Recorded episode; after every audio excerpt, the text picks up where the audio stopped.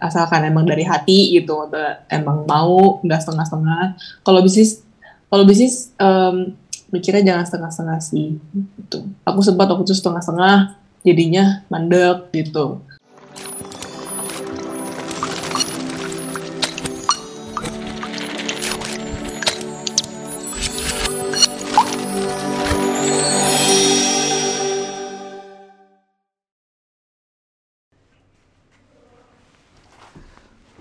Alhamdulillah. Kita kopi dulu. ah. Halo Pinvestor, ketemu lagi sama gua Ingga Putra dan Tentunya sama gua Sony Agustiawan. di Ngopi Manis, ngobrol pintar masalah bisnis. Yeay. Mas Sony, Yes. topik kita ini nggak kalah menarik dari kemarin. Tapi sebelum kita mulai ya Mas Don, jangan lupa eh, Pinvestor klik tombol like dan subscribe biar kita makin semangat bikin konten menarik lainnya. Topik kita hari ini Mas Don, itu ada hubungannya sama hampers. Oke. Ngomong-ngomong, lebaran kemarin lo dapat berapa hampers Mas Don? Wah, alhamdulillah Mas, Lebaran tahun ini gua dapat banyak banget hampers. Wih. Ada yang makanan, kue kering, perlengkapan sholat dan lain-lain. Kalau lu gimana Mas? Kalau gua kebetulan gua dapatnya makanan. Tapi gua dapat satu hampers panci. Wow, macem-macem lah. gitu. Nah, kalau dulu eh, kita bilangnya parcel kali ya yang namanya hampers ini. Tapi kalau sekarang bahasa kerennya hampers. Lo tau gak sih mas keuntungan dari lu ngirimin hampers ke orang?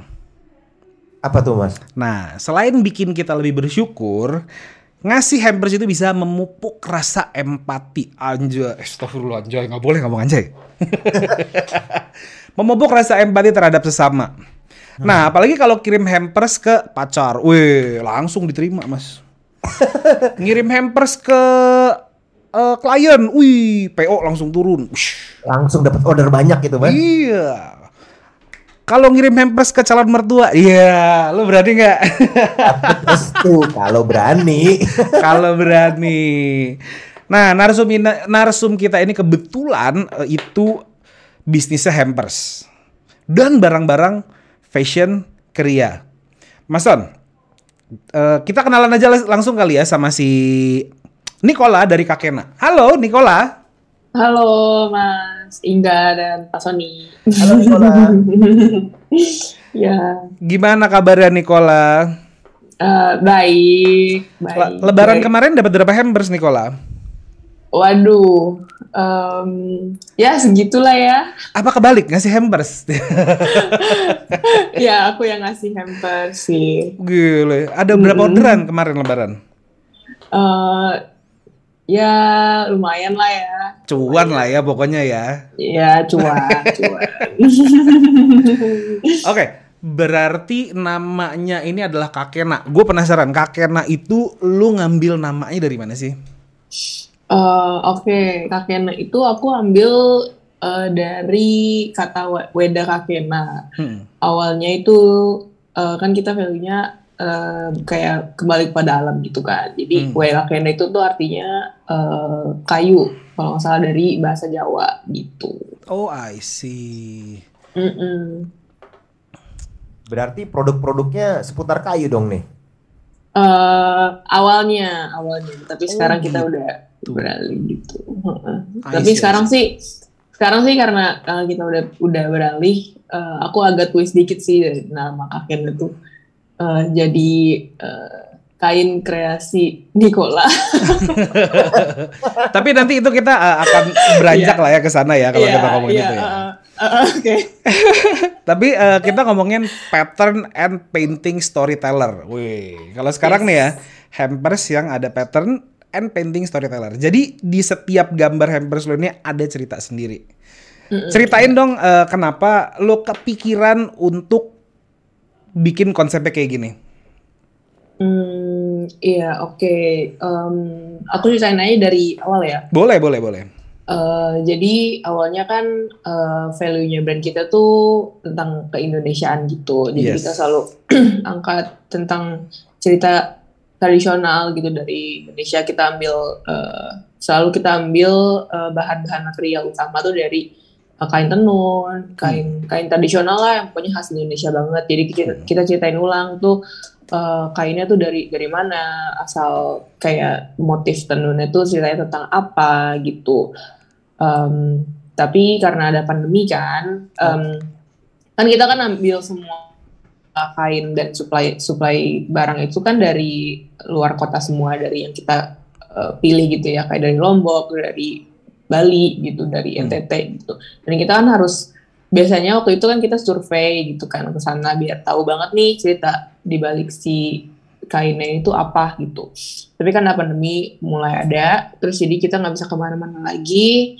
Uh, terus uh, kepentok budget juga sih. Uh, jadi kita uh, harus beralih gitu. Jadi kayak kita, hmm, kita bikin original uh, desain kita sendiri gitu. Awalnya nggak terlalu jauh sih dari tentang keindonesiaan gitu, jadi tentang kayak mm. um, tra traveling gitu. Jadi um, produk yang kita buat, yang kita desain gitu, itu refer to uh, traveler gitu. I see. Mm -mm. Iya sih kemarin gue sempat lihat di Instagram lu tuh lucu-lucu banget dengan hashtag yeah. sama kakena ya gak sih? Iya bener. Iya tapi gue lebih suka sih uh, apa namanya Kakena yang sekarang karena menurut gue gue kalau ngeliat tuh lebih joyful, lebih cheerful gitu. Iya, uh, benar. Dan iya, moodnya tuh lo lo lo datang dengan mood yang berbeda. Iya benar, beda banget sih. Hmm, Cuman aku nggak terlalu kontras sih kayak rebranding. Oh nih uh, gue rebranding gitu nggak sih, cuma kayak smooth aja gitu. Hmm, um, seiring berjalannya waktu gitu.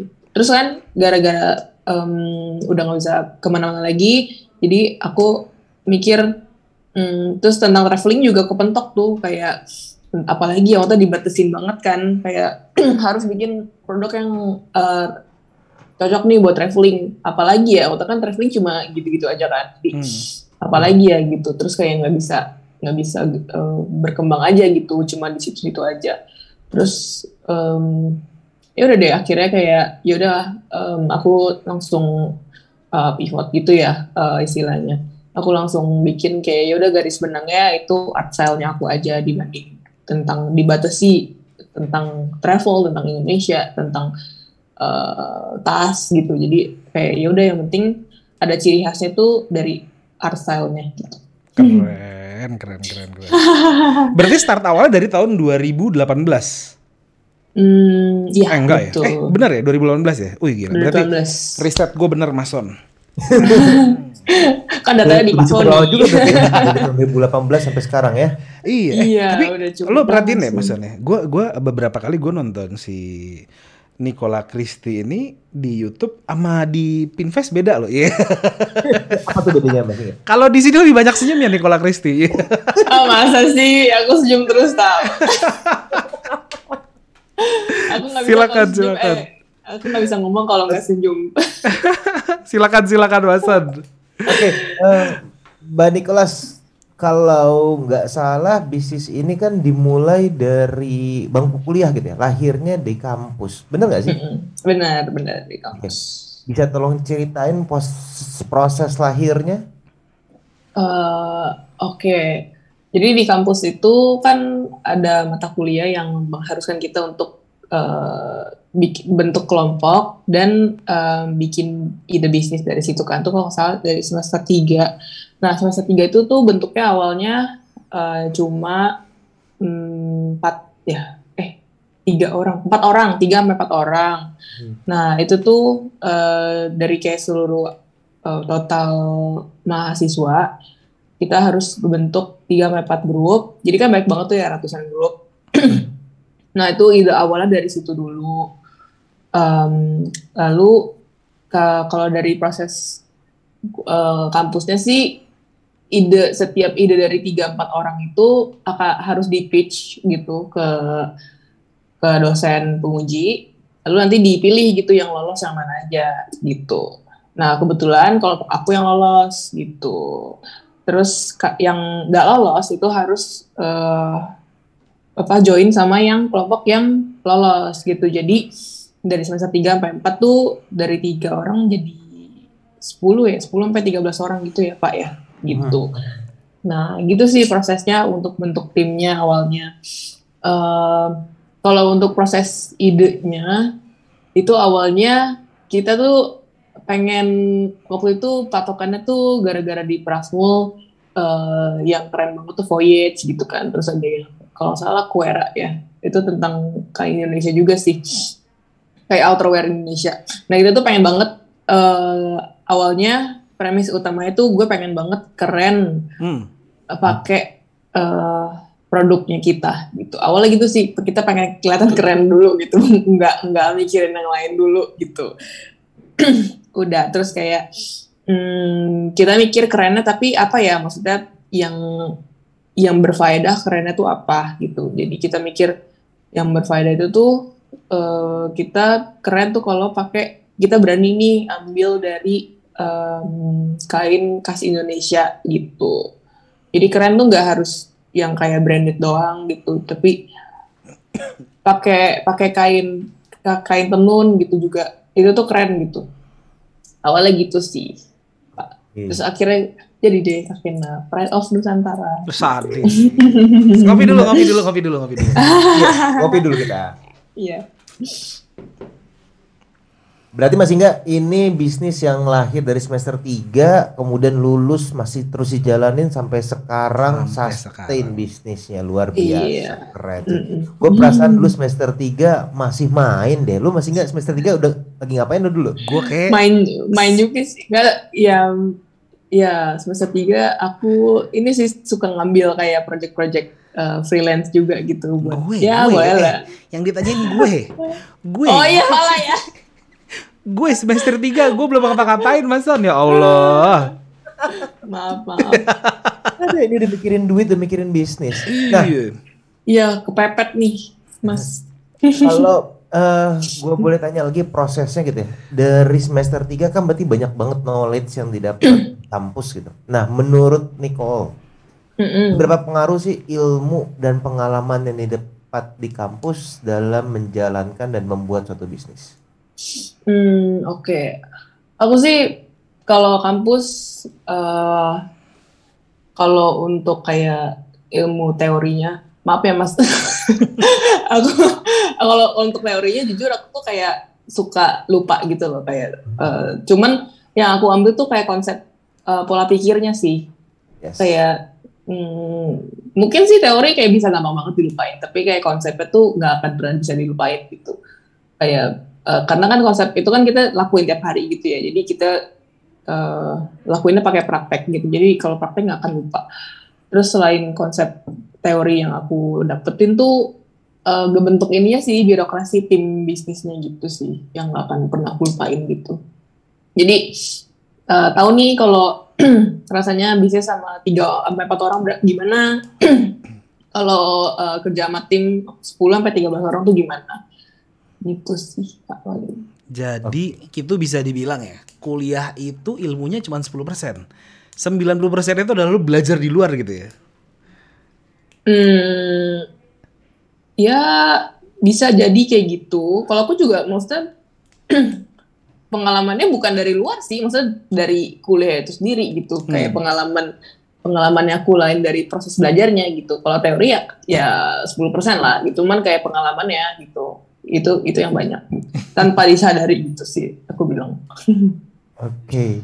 Berarti uh, ini mungkin buat teman-teman investor yang lagi dengar lagi nonton di YouTube atau dengar di Spotify ini jadi pembelajaran yang menarik gitu ya bahwa kalau lu kuliah jangan cuman duduk belajar terus pulang proses lu kuliah nikmatin karena lu bisa belajar sesuatu dari proses itu. Gitu kalau iya. kurang lebih kali ya. bener bener. Kalau dikasih tugas ya udah, walaupun nggak nggak ada di buku, ya udah itu emang emang tugas lu untuk nyari gitu. Ya, lu kuliah lu keren banget dosennya siapa sih Nikola?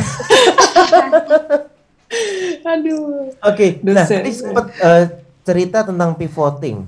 Kalau boleh cerita sedikit, uh, udah berapa kali nih Kakena pivoting dari pertama lahir sampai sekarang? Aku bilang kalau secara hmm, garis besar sih uh, dua kali ya, dua kali. Oke. Okay. Dua kali. Boleh diceritain kenapa alasan pivoting? Iya yang tadi aku bilang kalau yang uh, kalau yang pertama kan uh, konsepnya kayak tentang um, keindonesiaan, pride of Nusantara, kayak sangat Indonesia gitu. Tapi aku jujur aku bukan anak yang sangat nasionalis banget. Jadi kayak aku juga um, kayak stuck aja gitu kayak hmm, jiwaku kayaknya bukan ke sini deh gitu. Kayak uh, kalau dipaksain juga rasanya jadinya nggak jujur gitu sama produknya. Jadi kalau kalau sebagai produk desainer gitu ya, uh, kalau nggak nggak suka nih sama sama desainnya itu nanti nggak kejual gitu pak jadinya kayak gitu terus hmm, terus sama kelamaan sih uh, menurut aku ya bikin bisnis kakek ini tuh kayak sama aja kayak kenal diri pasti diri sendiri gitu sih kayak uh, mungkin aku mungkin kita adore gitu ya sama orang cuman kita cari nih um, yang kita suka gitu uh, kita tuh selalu ngeliat produk yang kita suka gitu. Terus um, secara tidak sadar kita mungkin kayak akan mengaruh juga ke desain dan ke proses uh, bisnis kita gitu. Tapi um, balik lagi kalau terus-terusan begitu pasti akan kayak uh, akan tetap jenuh gitu dan stuck gitu. Jadi uh, akhirnya sih untuk sekarang uh, mungkin sih aku, aku sudah menemukan jati dirinya uh, aku dan bisnisnya gitu. Gitu sih paling. Berarti journey-nya kak kakena itu sama dengan journey kehidupannya Nicola juga ya? Iya kayak mengenal diri sendiri gitu sih aduh nah. sangat filosofis banget ya makanya kan storytelling ya kan mas jadi apa yang yeah. ingin desainnya iya benar bisa gitu sih idealis banget ya Mm-hmm. kalau dalam harus proses gitu. melakukannya nih uh, mm-hmm. apa tantangan terbesar? Karena kalau kita tahu pivoting kan nggak gampang, apalagi merubah identity produk, merubah mm. persepsi konsumen terhadap produk kita itu kan nggak gampang gitu. Apa sih tantangan uh, terbesar iya. Nicola dalam melakukan pivoting? Uh, tantangan terbesar uh, kayaknya nggak nggak bisa dibilang tantangan juga sih.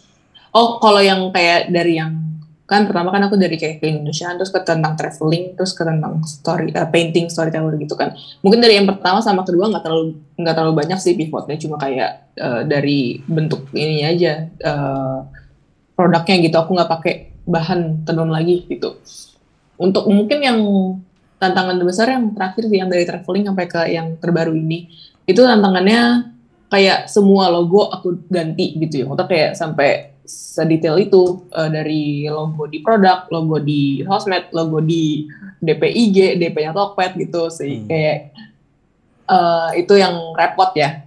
Uh, terus sama ini sih yang kayak yakin gak nih kayak dengan konsep ini uh, ini akan jadi apa namanya akan jadi sustain gitu. Um, aku sih um, kayak gimana caranya meng, me, menemukan gitu ya antara customer aku yang udah ada dan um, ide keidealisan aku gitu gimana cara ngimbanginnya gitu uh, jadi sih aku ngelihat nih dari data sih atau dari uh, portofolio kakeknya gitu kayak produk yang paling disenangi sama customer tuh yang mana kayak hmm, poin-poin gitu. Aku sih tanya-tanya temen aku ya yang itu yang yang suka perhatiin kakeknya juga, tanya-tanya customer juga, untuk kayak yang lu suka dari kakeknya tuh apa gitu. Nah, uh, mereka tuh paling suka tuh sama um, kayak um, ga gayanya uh, aku menceritakan uh, hmm. sebuah koleksi gitu. Kayak iya soalnya kayak tiap produk lu tuh kayak ada ceritanya cek gitu Uh, jadi kayak itu sih kayaknya yang menarik gitu. Nah, aku sih ambil dari situ, terus aku imbangin, aku kan sukanya gambar gitu. Jadi ya udah, aku imbangin dari dari gambarnya aku, aku tetap tetap gayanya tuh uh, tentang storyteller gitu. Kan kalau dari kaitan gitu kan tetap aku ceritain kan kayak hmm, cerit, si kaitan ini ceritanya apa, latar belakangnya, uh, terus ya kayak rumahnya sama, nenek gitu kan. Ini ada atap iya, rumahnya nenek. Iya jadi kayak sama aja gitu. Cuma cuma di twist uh, yang diceritain tuh bukan tentang kain tenun lagi, tapi ya tentang konsep cerita apa pun gitu yang aku pengen ceritain gitu sih. Keren. Jadi yang gambar ini lu sendiri atau jadi oke the whole design atau the whole articles cuy articles bukan articles saya the whole items itu yang gambar siapa? Lu sendiri atau ada timnya? Uh, aku sendiri sih. Sempat waktu itu ada tim uh, tapi karena itu waktu itu dia cuma magang aja. Jadi Hmm. aku arahin aja. Terus terus uh, magang selesai terus dia balik ke aku lagi bisa gitu iya iya waktu itu dia kayak sempat ini sih waktu sempat kebetulan banget dia kayak lagi cari magang buat Mm-mm. uh, buat kuliahnya gitu buat skripsi gitu Oh. jadi kayak mm, dan dia anak desain juga iya anak desain anak ta- aku sebut nggak apa nggak oh ya nggak apa-apa Nggak apa-apa ya? dari Telkom dari Telkom. Oh, I see. dia dia fashion design Keren keren keren. Ada loh Mas Sony eh, salah satu desain yang gua itu pas gua ngeliat tuh gue suka banget ya. Itu ada kalender Mas Son. oh iya Kalender tapi digambarnya di kanvas. oh iya Ya, gue tuh langsung kepikiran gitu loh. Lo orang tuh. seberapa sering sih lo ngelihat orang masang kalender sekarang di rumahnya gitu ya? iya Coba nggak lo, jarang sih once in a year gitu. Kalau misalkan gua ngeliat kan kayaknya culture banget gitu ruangan lo. Asik. iya iya Tapi speaking of eh, bisnis ya, Mm. boleh kali ya kalau gue nanya seputar pendanaan. Lu dulu awal banget lu mulai bisnis kakena ini, boleh tahu nggak sih gue lu apakah lu dapat angel investor kah atau mungkin dari dana lu sendiri? Hmm, aku nggak pernah dapet, aku nggak pernah cari uh, investor, jadi Hmm. pakai dana kita sendiri gitu. Kita, Oke, kita dana. awal, kita tuh berarti awal-awal ya? Iya, awal bareng teman-teman waktu itu. Hmm, oke. Awal berarti lu bareng, eh, awal lu bikin kakena ini berarti bareng sama teman-teman lu. Itu udah berapa orang? Eh, tadi Hmm. eh, 10 sampai 13 orang di tim terakhir 10 sampai 13 orang. Awalnya 3 sampai 4 orang. Sampai terakhir sekarang tinggal lu doang nih yang terusin. Iya, benar sekali. Wih, teman-teman lu tapi nggak apa-apa tuh ngeliat kakena sekarang udah hits begini. nggak apa-apa sih, maksudnya awalnya juga eh, pas kita rundingin, rundingin itu tuh eh, emang mereka pure udah nggak mau karena udah ada kesibukan lain dan nggak nggak cocok sama brand value-nya gitu. Hmm. Eh, itu sih yang dari aku tangkap ya. Jadi kayak ya udah kita kita ngotot kayak nggak ada nggak ada nggak ada sikut-sikutan gitu sih aku bilang. Kita kayak itu jujur gue mau ikut apa enggak gitu. Enggak ya udah gitu. Oh. gitu sih syukurnya sih gitu ya nggak Iya. nggak pernah ada drama drama gimana. Berarti bestie banget nih ya sama temen-temen ya. Cie. Ya, lumayan lah. Tapi udah jarang ketemu sih, sedih. Dan pun eh, desain-desain ini kan lu juga bikin sendiri kan? Dan dengan Iya. idealis lu ini. Eh, iya. Menarik nih, menarik nih. idealis banget nih murid masuk satu ini. Anyway, tapi eh, lu ada cerita menarik apa? Eh, sama customer kah? Sama customer ya, sama customer. Lu punya cerita menarik apa? Sama customer lu? Sama customer, cerita menarik. Kayak Hmm. misalkan lu lu pernah ngalamin cerita menarik apa deh sama customer lu? Misalkan ada yang komplain kah atau misalkan ada yang request kah? eh so far sih aku nggak ada yang sampai komplain gimana banget itu. Paling sih yang aku tangkep ya dari dari tiga tahun, empat tahun ini gitu. eh yang aku suka dari customer tuh customer akan terbentuk sendiri kalau kita yang ngarahin gitu loh. Hmm. Kayak eh, ada waktu itu eh, kan pas lagi temanya traveling gitu ya. Eh, aku tuh suka ngepost sosmed. eh, jadi setiap aku jalan-jalan gitu, aku tuh selalu bawa produk dan aku foto gitu. Soalnya kayak lucu nih, Wata pasti background traveling tuh lucu-lucu. Terus Iya. aku tuh kan karena hmm, dulu value travel, jadi aku eh, berusaha untuk semuanya tuh tentang traveling, produknya tentang traveling. Hmm. Terus untuk dipakainya tuh pun untuk untuk travel juga gitu. Hmm. Jadi aku membiasakan di sosmed aku kalau produk kakaknya tuh bagus untuk dibawa traveling gitu. Di Jadi aku sosmed. eh, iya aku selalu post kayak aku lagi di Jogja, di Bali gitu aku pakai scarf kakeknya. yang terus di private di- itu kan sosmednya. Enggak sih di di di kakeknya, di kakeknya. Oh di kakek nanya. Oh gue Iya, pikir di. Tapi lu nggak pernah posting di Instagram pribadi lu gitu? Uh, sering, sering, sering juga. Cuman kalau di pribadi itu cuma kayak biasanya BTS sih, maksudnya kayak hmm, kayak yang personal aku aja gitu. Oh. Nggak, bu- bukan yang kayak komersil, ini produk Oh, iya, Kena, iya. nih beli nih produk Kena, enggak gitu. Cuma kayak eh, cuma kayak ya udah cuma cerita aja kayak eh, kayak journey-nya gitu lah paling. Kayak Keren. atau yang kayak produk apa behind the scene aku lagi gambar atau apa gitu Hmm. yang personal gitu. Terus karena karena aku membiasakan kayak gitu, kayak foto foto foto kain kakeknya gitu di belakangnya ada eh, pantai, ombak gitu atau gunung. Nah itu tuh orang-orang pun kayak gitu juga gitu ternyata gitu. Si Gaya. nah, Mm-mm, karena karena karena kita membiasakan di sosmed kita ngepost eh, kayak gitu bentuknya, formatnya. Nah tapi jadinya orang beli kakeknya tuh untuk buat traveling juga gitu sih Hmm. amazingnya. Oh kayak oh my god ternyata ternyata Makanya- nyampe gitu kayak kayak hashtag Pesannya sa- nyampe. Makanya lo kasih Ah, hashtag gitu ya sama kakena. Lo pergi sama siapa? Sama kakena. Iya. Iya maksudnya sama, sama kakeknya tuh kayak eh, berkegiatan apa pun gitu, pisah sama kakeknya kayak traveling sama kakeknya, terus atau mm, sepedahan sama kakeknya, terus eh, makan sama eh, breakfast sama kakeknya gitu-gitu. Iya, Jadi iya, iya, iya. iya gitu sih. Shin Hari juga pakai tuh produk kakena tuh. Hmm. Siapa siapa? Itu yang di bisnis proposal tuh. Yang mana ya? Ada di Instagram lo Shin Hari yang pakai ini. Pakai masker, pakai masker. Pakai produknya. Oh, Enggak itu oh, bercandaan lu, jokesnya lu itu. Oh, oh iya, iya. Aduh, Dia- aduh nggak nyambung. Ini kan dia yang bikin dia yang bikin konten ya, masa dia nggak dia lupa sama konten Instagramnya sendiri ya. iya, aku lupa. Ya ampun. Kebanyakan soalnya.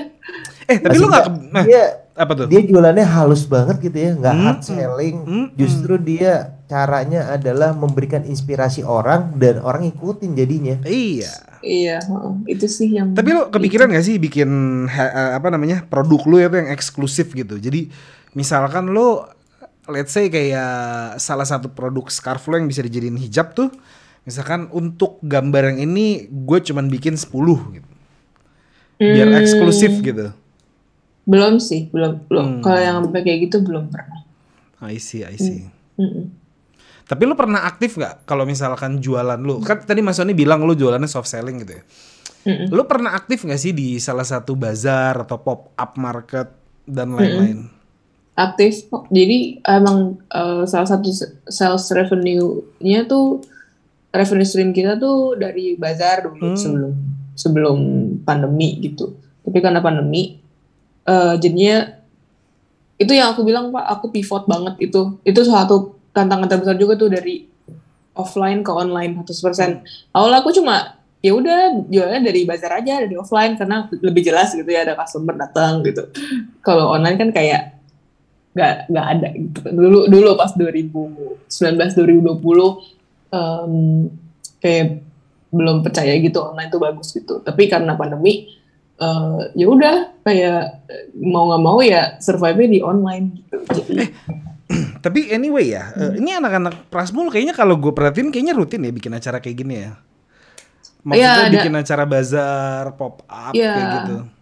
Ah, dia ada Prasmo ada itunya eh, BEM-nya gitu bikin bikin acara ada macam-macam sih acara, ada acara ada acara musikal, ada acara bazar. Nah, Hmm. bazar itu pop up pop up market gitu. Karena gue dulu gue inget banget dulu salah satu teman gue pernah kuliah di Prasmul. Dia tuh bikin jeans dulu keren banget ya. Aduh iya sih. Ini bukan eh, Ian. Ah, Bukan, bukan, bukan, bukan. Ini tahun 2012-an deh kayaknya. 2012, 2013-an deh kayaknya. iya itu Ian Hardian Hardanto kalau salah. Namanya Vision Mission, pernah tahu? Oh bukan. Bukan. Ini anak, anak- Hanzo. anak- Hanzo namanya. Oh Hanzo. Ini anak-anak Prasmul nih emang gila-gila nih ya. Nih Iya. keluarannya Dulu dia satu lagi si ini nih si Nicola ini nih dari si siapa namanya Kakena ini. Mm-mm. Gitu. Berarti saling support ya berarti eh, ekosistemnya ya. Iya, iya sih, Heeh, Hmm. bener. Waktu itu saat kalau aku sih dulu di pop up market, Terus, tapi Hmm. nggak cuma pop up market dari kampus doang sih, waktu aku cari di luar juga gitu. I see, I see, I see. Hmm. Oke, eh, Nick tadi cerita pivoting dari offline bazar ke online. Nah, bisa diceritain tuh uh, lebih lanjut tentang strategi marketing Kakena. Apalagi sekarang kan udah mulai menuju endemi nih. Gimana rencana Kakena ke depan? Apakah mau tetap di online atau kembali ke offline atau justru sekarang omni channel atau dudunya dihajar? Gimana nih? Hmm, Oke. Kalau uh, waktu itu kalau pivot dari offline ke online itu aku cukup berat karena uh, aku belum tahu nih kayak Tokopedia itu kayak gimana. Aku awalnya di Tokopedia dulu nih, terus baru Shopee. Jadi satu-satu dulu. Uh, kayak Tokopedia itu kayak gimana? Maksudnya kayak uh, nama produknya mesti nama produknya kayak gimana ya? Maksudnya kayak nama kan nama produk kita biasanya kayak nama aneh-aneh gitu kan. Hmm. Kayak misalnya kalau dress tuh kayak kayak namanya Jasmine dress gitu kan. kan itu kan kayak bukan SEO gitu kan. Hmm. Harusnya kayak misalnya kayak dress wanita, uh, dress dress airline gitu. Itu kan kayak keyword kan. Yeah. Nah aku tuh belum belum ngerti tuh kayak gituan walaupun dulu belajar sih. Tapi itu kan kayak kalau nggak dipraktekin kan jadi lupa gitu kan. Terus ya itu yang kayak gitunya belajar-belajar keywordnya, terus uh, hacks-hacksnya Tokped, hacksnya Shopee gitu. Terus um, gimana nih orang sampai harus bisa beli gitu. Awalnya sih sebulan dua bulan nggak ada yang beli sih pak. Okay. kayak nggak ada nggak ada yang beli kayak belum belum familiar sama Tokopedia-nya Kena. Terus mungkin kayak uh, harganya produk Kena waktu itu sih lebih cocok dibeli pas offline gitu daripada online.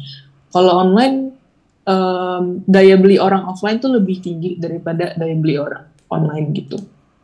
Uh, terus jadi kayak kita masih ada adjust di situ. Um, gimana nih orang bisa visit ke Tokopedia-nya Kakena gitu. Terus apakah Tokopedia tuh hmm, pilihan yang benar gitu. Cuman ya udah kita coba dulu aja gitu kan. Uh, dengan caranya sih aku dulu kan sosmed nggak terlalu sering aku post gitu ya. Kayak palingnya once in a while gitu kayak seminggu sekali atau kalau ada konten bagus gitu baru aku post. Tapi karena aku harus mengharuskan online jadi aku ada jadwalnya gitu harus post tiap hari satu kali satu satu kali eh satu hari satu kali uh, feed terus story tetap ada gitu at least nggak ngebahas yang di tuh tentang apa gitu. Nah dari situ sih udah mulai gitu ya ngepost tiap hari. Terus aku coba mulai mulai ads gitu sih pak gitu. Terus belajar juga gitu. Um, terus karena terus aku tuh juga kan ngobrol-ngobrol sama temen ya yang yang punya all shop juga. Terus dia kayak bilang cobain shopee juga cek gitu. Hmm. uh, shopee tuh biasanya orang nggak perlu ads tiba-tiba ada aja yang beli gitu terus kayak oh gitu ya? Nah terus ternyata kalau mm, melebarkan sayap ke buka satu e-commerce lagi itu tuh nggak segampang cuma kayak masukin uh, barang list gitu nggak nggak segampang masukin data gitu. Tapi ternyata uh, produksinya pun mesti dua kali lipat ternyata. Oh. Gitu kayak soalnya mis misalnya kayak gini ada ada 50 uh, stok gitu 50 scarf uh, kan awalnya 50 50 tuh di Tokped nah kalau ada di Shopee berarti harus 25 25 dong. Yeah. Kayak mesti dibagi dua. Nah, itu kan kayak mengurangi kuota di Tokopedia.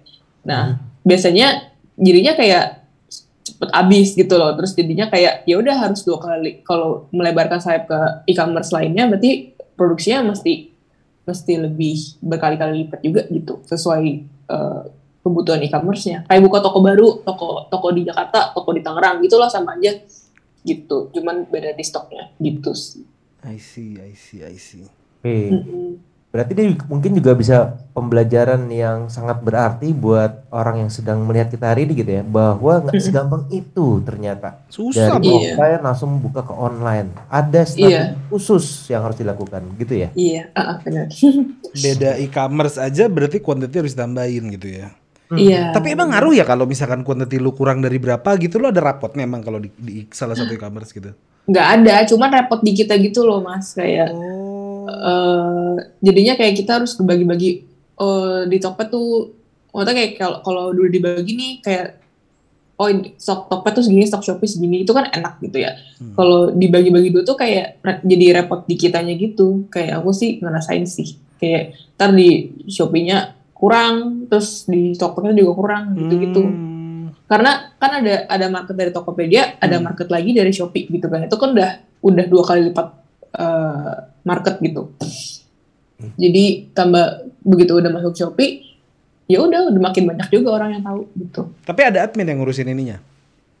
Hmm, Atau masih lu aja? ada. Em, ada sih. Ada. ya. Ya berarti enak lah ya. Kan lu tinggal gambar jadinya kan yang penting. ya cuman kalau yang krusial-krusial yang mesti ada involve-nya aku di situ ya aku tetap tetap ini sih iya Tetap. sih. Tapi tetap enak ya? tetap Enak ya kalau punya skills gambar tuh kalau kata temen gua nih ya amit-amit gitu ya. Kalau eh, lu kenapa-napa nanti masih aman lah lu masih bisa cari duit. Cie, masih bisa cari cuan gitu. Iya ada benernya Ada benernya ja. Nah, gue pengen ya. tahu, gue pengen tahu pendapat lu soal ini.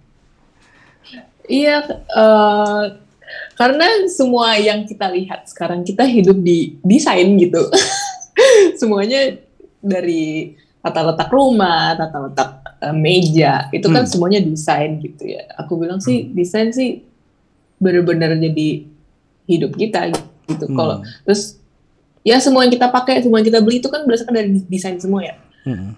itu sih aku bilang Dan lu kalau kalau- gue ngeliat ya dari desain-desain lo kan desain lo nih idealis banget ya kayak menceritakan tentang hidup lu. Kayak ada satu scarf lu yang lu bilang rumah nenek ya. rumah kita Eh rumah kita. Pokoknya yang dia bentuknya atap gitu loh. Bentuknya kayak gitu. Iya, iya. Ih, seneng deh nih bacain. Nggak ada yang bentuk kayak gini nih. Iya. Atau gini. Iya. Nah maksud gue lu kan memiliki idealis yang cukup kental gitu ya. Lu nggak kepikiran menumpahkan idealisme lu itu ke dalam satu workshop gitu. Let's say kayak lu ngajarin beberapa orang. Tuh kan lu juga bisa dapet cuan. Orang Iya, juga bisa mau. dapet. mau banget itu. Nah, sekarang sih aku mau ngarahin ke situ sih.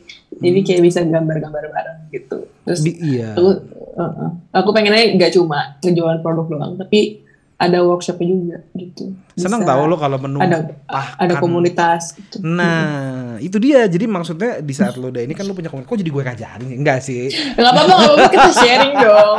Iya kita sharing ya, kita juga- jadi sharing ya. Eh, aku juga butuh butuh ini sih, butuh. Tapi so far lo udah punya komunitas belum sih?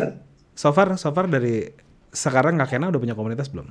Aku belum pelihara sampai gimana sih, cuman Hmm. ada yang jadi loyal customer ada gitu. Oh cuman itu bisa tuh jadi komunitas tuh. Yeah. iya, eh, eh, ada ada yang suka banget yang kalau setiap kali aku ngepost tentang gambar aku tuh cerita tuh biasanya banyak yang react gitu, banyak yang suka gitu, Hmm. banyak yang bacain juga gitu. Orang-orang pada pada demen sih filosof- filosofis filosofis gitu, kayak oh ini dibikin banget ya gitu, kayak nggak cuma nggak cuma nggak cuma yaudah jualan aja gitu. Itu sih. Ada idealisme, ada cerita di balik itu. Wah itu sih. Iya. Eh, istri gue kebetulan salah satu yang yang seneng sama hal filosofi filosofi barang gitu loh. Iya. Istri gue tuh seneng banget kayak gitu-gitu. Jadi kayaknya kalau misalkan gue kasih istri gue mungkin mantap. Yang atap rumah ya kan. Hmm, iya. Gue seneng banget gue ngeliat atap rumah. Nah, itu di cerita itu dibungkus ke dalam suatu produk dan menurut lu tadi desain sangat penting ya Nick. Hmm. Iya, betul. Kalau boleh gua tahu proses eh, produk developmentnya gimana tuh? Apakah dimulai dari riset tentang desain, kemudian bikin produk, testing baru dilempar ke market, atau Hmm. dari cara-cara lain? Hmm, proses desainnya aku sih dari eh, aku dari macam-macam inspirasinya banyak banget sih Hmm. Pak. Kayak biasanya aku tuh dari film, Film, terus ya dari film, dari film, dari em, dari pengalaman hidup aku juga sendiri gitu. Atau kayak isu-isu yang lagi aku kayak resah gitu. Eh, biasanya sih aku jadiin desain gitu berdasarkan dari em, masalah hidup aku misalnya gitu. Aku ya gitu kayak hmm, misalnya tentang kayak growing up gitu ya dari dari lulus kuliah terus jadi stable gitu. Nah aku gimana tuh tuanginnya ke ke desain gitu. Nah hmm, jadi kayak aku umpamain kayak growing up tuh hmm, dari perumpamaan tuh kayak bunga gitu. Nah terus jadi bunganya aku jadiin buat desain gitu. Terus dari film-film dari film apa pun sih dari film action dari film eh, drama, dari dari kartun. Kebanyakan aku dari kartun sih. Aku suka banget dari nonton kartun. nah biasanya aku ambil dari situ kayak oh waktu itu sempet ada film Raya ya, Raya Ya, ya. Oh, Last gue suka banget film itu. Ya aku biasanya suka ambil dari kayak elemen-elemen Raya gitu kayak em, waktu itu pas buat Lebaran tuh aku ambil dari film Raya and the Last Dragon itu kan Raya tentang em, Southeast Asia ya kayak Filipina dan Gambo- eh, Indonesia Hmm. gitu-gitu. Terus aku ambil elemen-elemennya kayak dari sawahnya, dari eh, dari lautnya gitu-gitu sih. Kayak ya udah ambil aja kayak yang sekitar aku nih, yang aku biasa lihat itu tuh kayak secara tidak sadar aku tuh selalu auto rekam gitu kayak kalau ada sesuatu yang, sesuatu yang bagus aku kayak oh ini bisa nih ambil buat produk gitu. Terus aku kayak foto, kalau nggak foto aku inget-inget aku sketch gitu. Terus nanti begitu lagi mau desain, aku buka lagi sketchnya aku, aku oke gue masukin elemen ini gitu-gitu. Gitu. Itu buat proses desainnya. Terus kalau buat proses uh, bikin produknya, Mhm. em, biasanya kita sampling dulu sih tetap Eh, kayak mm, udah selesai nih desainnya terus kita bikin sampel terus kita coba-cobain ke orang terus kayak tanya-tanya tanya-tanya temen gitu ya. Kayak gimana nih menurut lo? Terus lo paling suka yang mana? Terus kayak apa yang nggak disuka gitu nanti kita ubah-ubah lagi gitu. Oke, Um, berarti desainnya gitu benar-benar terilham dari berbagai macam hal, kemudian dituangkan ke dalam suatu bentuk, tapi Mm-mm. tetap untuk finalisasi produk ikut serta mengajak konsumen dalam Iya, iya. Ah, ah, bener. Dari bentuk produknya juga sih penting kayak hmm, mau apa, mau scarf, mau diffuser gitu, mau eh, apa itu ya, topi gitu, gitu-gitu. Oke, jadi jangan terlalu idealis yang keras nggak pugu gitu ya, Hmm. tetap Iya, ah, ah, bener sih. mindset, open kuping gitu ya. Iya yang tetap yang laku yang mana gitu. Ujung-ujungnya kan cuan gitu ya. Kan kita Bener. bukan seniman gitu ya. Iya, aku sih mikirnya ya kalau jualan tuh kayak eh, gimana nih biar nggak stoknya tuh nggak nggak dead stock gitu pak. Itu Hmm. sih yang yang aku selalu pikirin gimana ini tuh stoknya tetap lancar gitu, tetap habis terus misalnya kayak besok lagi tetap tetap berputar gitu, nggak diem aja. Itu Hmm. sih yang aku pikirin.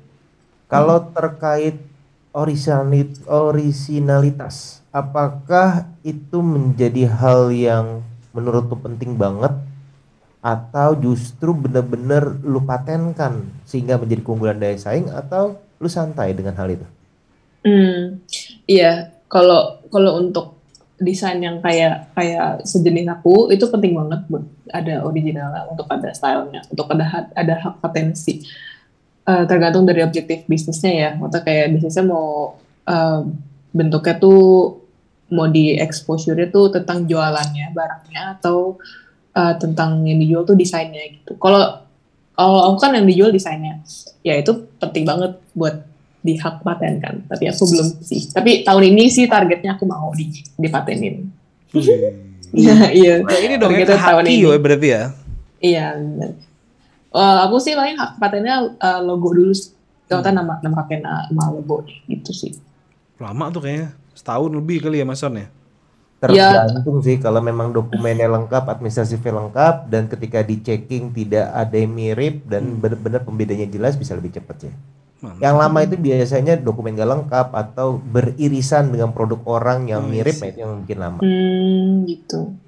Eh, kok jadi gua ngajarin? Kalau Pak, aku juga lagi mau mulai kan, jadi eh, mau mau dipatenin juga. Eh, Aduh, speaking gua- gua of nih. speaking of Oke. uh, eh mau ngomong Mas lanjut lanjut lanjut. Eh, kalau bicara tadi, lanjut sedikit lagi tentang paten, Nick. Hmm. Eh, di Kakena kan akan eh, sudah punya banyak banget desain gitu ya, apalagi dari awal berdiri sampai sekarang. Hmm. Kira-kira apakah semua akan dipatenkan secara bertahap atau Nick hanya berpikir nggak deh yang benar-benar masterpiece yang akan dipatenkan? Hmm, iya, aku mikir sih em, pertama logo dulu sih yang paling paling penting. Eh, lalu bener yang bapak bilang yang yang jadi ciri khas aku banget gitu itu yang aku patenin gitu Yang so far ciri sih pikir Yang ciri Eh, khasnya eh, kakena banget apa kalau buat lo? em, aku bilang sih yang rumah tadi sih itu banyak banget yang suka terus eh, Ya. kalau Mas Ingga lihat yang langit Jakarta itu juga favorit terus ada Itu satu lagi itu langit Jakarta keren banget perpaduan warnanya. Iya, itu padahal cepet loh. Maksudnya ya proses inspirasi lama sih. Tapi desainnya lumayan cepet. Terus aku nggak nggak nyangka juga itu yang langit Jakarta tuh bakal sefavorit itu gitu. Karena di saat lo men- memberikan desain lo dengan hati, wih, energinya keluar, bro. Iya benar. Sadis nggak? Sadis nggak? Sadis nggak? Bro. Eh, gue masih penasaran ya. Kita speaking of uh, design, speaking of apa namanya idealisme, speaking of community gitu. Hmm. Lu kepikiran nggak kalau misalkan lu mem- memberikan desain lu atau lu membuat sebuah desain yang nantinya bisa lu taruh di NFT? ih mau banget. Tapi lu udah, lu, juga- lu udah melek belum sih soal apa uh, cryptocurrency ini, ini lagi keren loh di anak-anak muda nih. Iya ngerti. Aku tapi belum sempat belajar sih. Cuman aku udah ya, beberapa ngikutin lah. Kan otak kakak aku juga, eh, kakak aku juga desainer ya kebetulan. I see. Heeh. Jadi aku tuh juga eh, bisa bisa terinspirasi desain kayak gini gara-gara kakakku juga. Oh Terus- gitu. iya, tapi dia lebih ke ilustrasi gitu. Lebih cocok buat dijadiin NFT sih sebenarnya. Mm-mm. Kayak ka- bikin karakter gitu-gitu. Em, nah, biasanya dia tuh suka suka ceritain tentang kayak kripto gitu-gitu sih. Waktu dia udah udah melek NFT juga kan. Jadi dia suka sharing ke aku. Jadi ya tau lah dikit dikit banget. tapi aku belum belum belum sampai sedalam itu sih. Jadi seandainya lu kalau di NFT itu ya seandainya lu nanti ini ada dua nih antara lu kolektor, lu buyer gitu ya atau lu Mm-mm. creator. Nah, kalau lu Hmm. creator itu penting banget di saat lu memiliki komunitas lu itu wah itu jadi ladang cuan lu bisa tuh. Bener. Makanya kalau menurut gue ya eh, mungkin lebih baik eh, lu kencengin nih komunitas lu, lu punya komunitas. Karena kalau menurut gue ya lu punya potensi yang hebat banget sih untuk komunitas lu ini. Jadi di saat lu Thank punya, you. di saat lu punya komunitas, lu terjun di NFT menurut gue itu akan menjadi hal yang wih, we'll see lah ya nanti ya. Ji, amin, Iya. amin. Amin, amin, amin, amin. Tapi so far lu lu eh, melek kah akan si ini si cryptocurrency atau apa? Apa lu Ya, mungkin lu udah kok. terjun ke sana juga? Belum belum, tapi aku udah sering scrolling kayak di OpenSea gitu-gitu. Aku udah masuk ke Discord Discord juga sih gitu yang kayak aku liatin aja pergerakan orang-orang gimana gitu. Hmm. Hmm, Tapi belum sampai kayak serius banget gitu. Soalnya kan masih sedikit ya orangnya. Jadi belum, belum ada waktu juga gitu. Eh lu kata siapa dikit gila lu. Lu dari 2020 tuh ya yang namanya cryptocurrency tuh. Wih, hype-nya. Oh bukan, maksudnya eh, orangnya masih dikit di di Kakena. Jadi Oh, iya, iya. masih masih involve-nya aku masih sangat besar di sini. gitu. I Jadi see, I see, I see. belum ada waktu buat itu sih. Itu Oh iya, kalau kriptonya ya gede banget. Kakena tuh bi- bikin NFT. Iya. Oh paham lah kakaknya kan ilustrator. Aman lah nanti. Ya ntar ntar tanya-tanya deh aku. Ada sih potensinya kalau menurut gue. Oke. Oke, eh, siap. Kalau balik ke bisnisnya Kakena gitu ya. Sebenarnya kalau gue lihat di Instagram, di katalog Tokopedia, Shopee dan lain sebagainya, produk Kakena kan adalah produk yang cukup umum gitu ya. Kita bicara tentang scarf, kit- eh, topi, tas, dompet dan lain sebagainya gitu. Banyak banget yang main di situ. Dan kalau kita lihat juga bicara tentang desain. Sekarang banyak juga kompetitor yang main di produk seperti Kakena dengan membawa desain-desain yang berbeda-beda dan unik-unik gitu ya. Hmm, hmm. Sehingga kan persaingannya sangat-sangat sangat ketat. Terus gimana Betul. nih bag- eh, Nicole untuk menyiasati ini? Em, balik lagi sih Pak, aku sih eh, ciri khasnya aku, eh, aku yang membedakan dengan yang lain itu, aku bisa bilang art style-nya sih, maksudnya style tuh yang paling bisa dibedain dengan yang lain gitu, maksudnya kayak lu nggak mungkin bisa nemuin art style kayak gini di orang lain gitu. Idealis nih. Ya, Iya, iya gitu sih. Kamu idealis sekali kamu. kamu idealis Iya, sekali kamu. Mm-mm. nah paling sih aku kayak eh, di ads apa namanya hmm, kayak nilai tambahnya gitu. Hmm. Aku sih biasanya kayak ditambahin di packagingnya aku, Em, ya cerita produknya gitu. Oke. Sama ya kalau harga sebenarnya aku belum bisa bilang aku bersaing sih dengan yang lain karena banyak banget ya yang sama dengan aku terus lebih murah gitu eh, jauh harganya gitu Balik lagi kan Iya, idealis. Idealis sendiri dong. Gila lo. Iya, Dia uh-uh. bikin dengan hati nih, gitu no.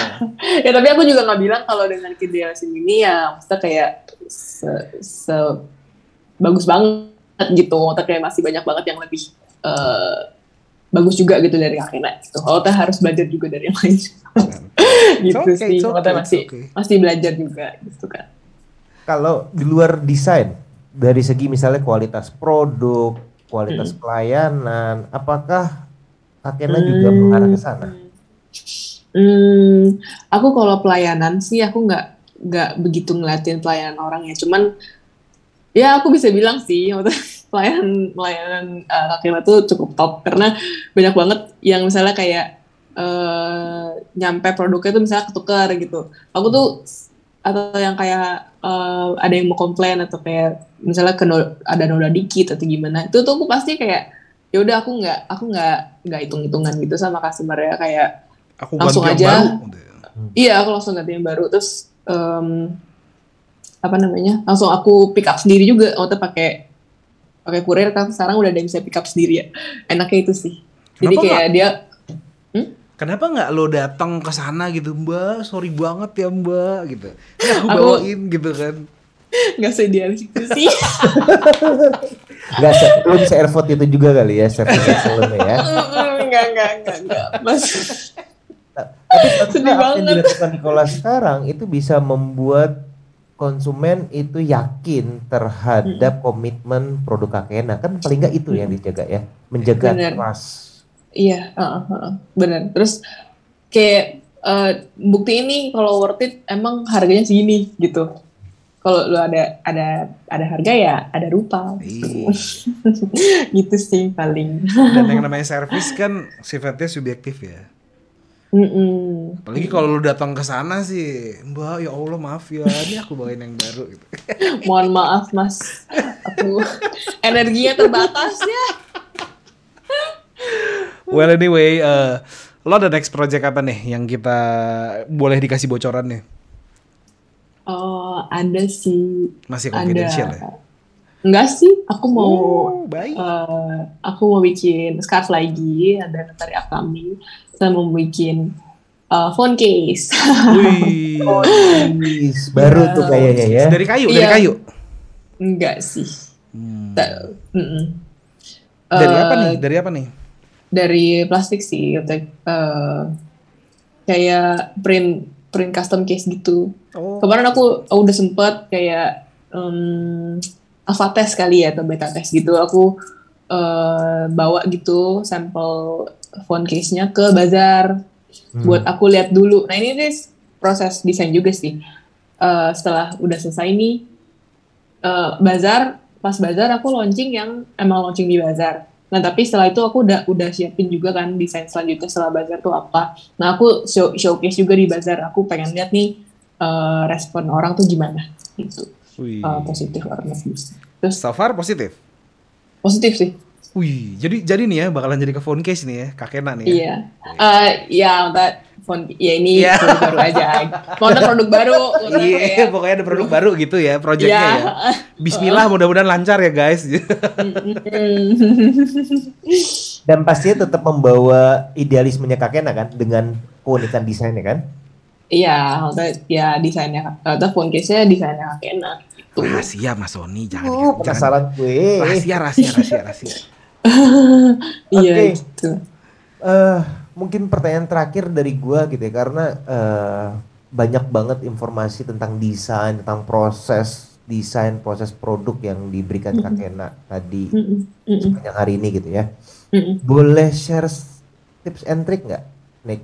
untuk para calon entrepreneur di luar sana yang masih ragu-ragu ingin memulai bisnis, khususnya Oke. bisnis di industri kreatif. Oke. Aduh, tips sebenarnya ya gimana ya? Kalau bukan ke tips sih, cuma himbauan aja. Kalau Gawat. kalau soalnya bukan tips banget gitu. Kalau kalau mau mulai bisnis ya tagline atau Tokopedia mulai aja dulu. Mulai aja dulu. Iya, karena nggak ada yang tahu gitu loh. Kita mau mulai apa pun gitu nggak ada yang tahu gitu. Ntar bakal jadi tiba-tiba besoknya jadi Elon Musk nggak ada yang tahu gitu kan. Hmm. Jadi ya asalkan eh, asalkan emang dari hati gitu, emang mau nggak setengah-setengah. Kalau bisnis kalau bisnis em, mikirnya jangan setengah-setengah sih. Gitu. Aku sempat waktu itu setengah-setengah, jadinya mandek gitu. Nah sekarang sih eh, untuk tahun ini aku udah full banget. Jadi ya siapkan sepenuh hati kalau bikin bisnis Lu. pasti banyak pasti banyak ups and down-nya pasti banyak stuck-nya em, pasti banyak tantangannya juga gitu ya Hmm. tantangannya ya banyak lah pokoknya Apa tuh? Satu, dua, tiga mungkin bisa disebutin. tantangannya eh, mungkin ini ya kayak hmm, handle. Misalnya kalau udah udah udah punya tim gitu gimana handle eh, timnya? Gimana handle orangnya gitu? Gimana cara mendekati orang itu biar maksimal gitu? Terus eh, tantangannya lagi apa lagi ya? Ya kayak menghadapi kompetitor gitu. Pasti banyak lah drama-drama. Terus menghadapi menghadapi customer juga pasti banyak drama. Ya seru sih tapi tapi kalau emang eh, dijalanin bisnis dengan hati gitu ya kalau aku bilang sih se mau dibuang dibuangnya tuh bisnis gitu kayak tetap dipikirin gitu kayak ya gitu lah. kayak sudah jadi bagian dari diri sendiri gitu Keren.